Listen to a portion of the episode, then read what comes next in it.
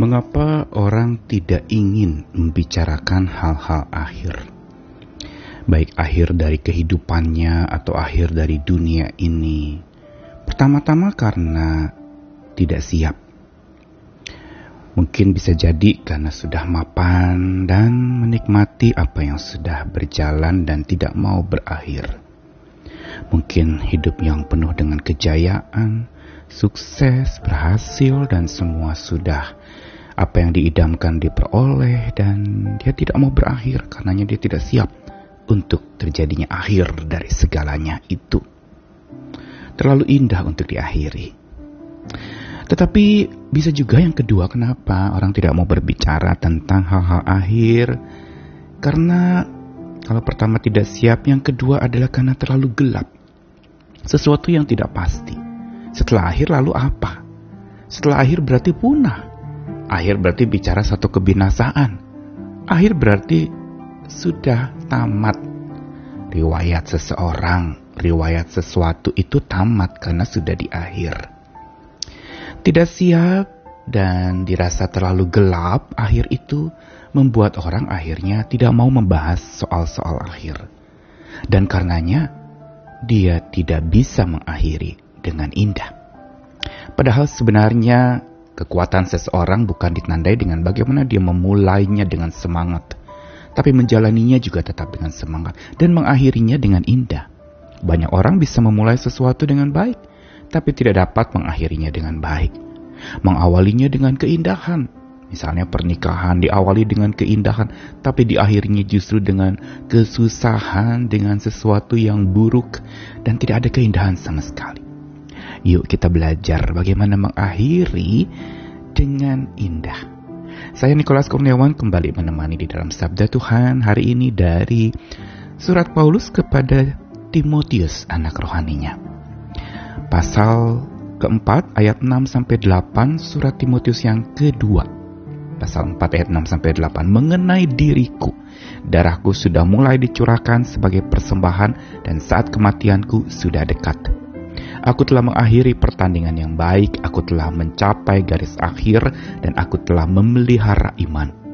Sekarang telah tersedia bagiku mahkota kebenaran yang akan dikaruniakan kepadaku oleh Tuhan, Hakim yang adil, pada harinya. Tapi bukan hanya kepadaku, tapi juga kepada semua orang yang merindukan kedatangannya. Bila ditanyakan kepada Rasul Paulus apakah dia siap menghadapi akhir dari kehidupannya, jelas siap dari statement dan pernyataannya tadi dikatakan bahwa akhir dari pertandinganku ini sudah tiba, kematianku sudah dekat, darahku sudah mulai dicurahkan dan lalu kemudian aku telah mencapai garis akhir. Semua ini mengindikasikan bahwa dia siap untuk menghadapi akhir dari kehidupannya. Tetapi apakah kesiapan Rasul Paulus itu berdasarkan apa? Tentu saja berdasarkan sesuatu yang sama sekali tidak gelap, tapi sesuatu yang dia nantikan sesungguhnya. Bagi Paulus, kematian atau akhir dari kehidupannya adalah justru sesuatu yang menguntungkan, menyenangkan, menggembirakannya. Bahkan di ujung dari akhir hidupnya itu tersedia mahkota kebenaran yang dikaruniakan kepadanya Tuhan Hakim yang adil pada hari Tuhan. Dan itu juga diberikan kepada orang yang merindukan kedatangan Tuhan. Dengan kata lain bagi Rasul Paulus, dia siap menghadapi akhir karena bagi dia akhir itu bukan sesuatu yang gelap, tapi malah terang gemilang buat dia. Pertanyaannya, bagaimana dia bisa tahu? Bagaimana dia bisa sampai begitu yakin padahal dia belum selesai, padahal dia belum sampai di titik akhir, dia hanya baru mencapai garis akhir tapi belum melewati garis akhir itu. Keyakinan iman Rasul Paulus. Inilah yang menyebabkan dia siap dan tidak ada lagi kata gelap dari sebuah akhir. Baginya justru, akhir adalah sebuah permulaan yang gegap gempita, indah bersama Tuhan yang maha cinta, yang penuh kasih kepadanya. Dan bagaimana kehidupan Rasul Paulus? Apa rahasianya sampai dia bisa punya keyakinan mengakhiri dengan baik, mengakhiri pertandingan dengan baik, dan telah tersedia mahkota kemenangan buat dia? Apa yang menyebabkan dia bisa mengakhiri dengan indah? Rahasianya adalah dia selalu punya waktu mengindahkan Tuhan Sang Maha Indah. Punya waktu mengindahkan berarti dia selalu terus-menerus menjadikan Tuhan sebagai yang maha indah dalam hidupnya, yang terindah dari segala keindahan di muka bumi ini, yang termegah dari segala kemegahan yang ada di muka bumi ini, yang bernilai paling tinggi di atas segala hal-hal materi yang dianggap oleh manusia yang jaya itu sebagai hal yang paling tinggi. Bagi Rasul Paulus, mengindahkan Tuhan Sang Maha Indah itulah yang menyebabkan dia bisa mengakhiri dengan indah dan bukan mengindahkan Tuhan saja, tapi juga senantiasa menghampiri Dia. Kita tahu betul bagaimana Rasul Paulus punya kedekatan yang dalam karib dengan Allahnya, dengan Tuhannya. Dan dalam perjumpaannya dengan Tuhan yang membuat dia bertobat dan datang kepada Tuhan Yesus itu. Itu yang menyebabkan matanya terbuka, tercelikat. Membuat dia tidak lagi takut menghadapi akhir karena dia selalu hampiri Sang Maha Indah, sehingga akhir itu akan menjadi indah buat dia. Dan bukan saja di ujung akhirnya itu ada keindahan yang sangat abadi tersedia buat dia, tapi dia juga mampu mengakhiri segalanya dengan indah.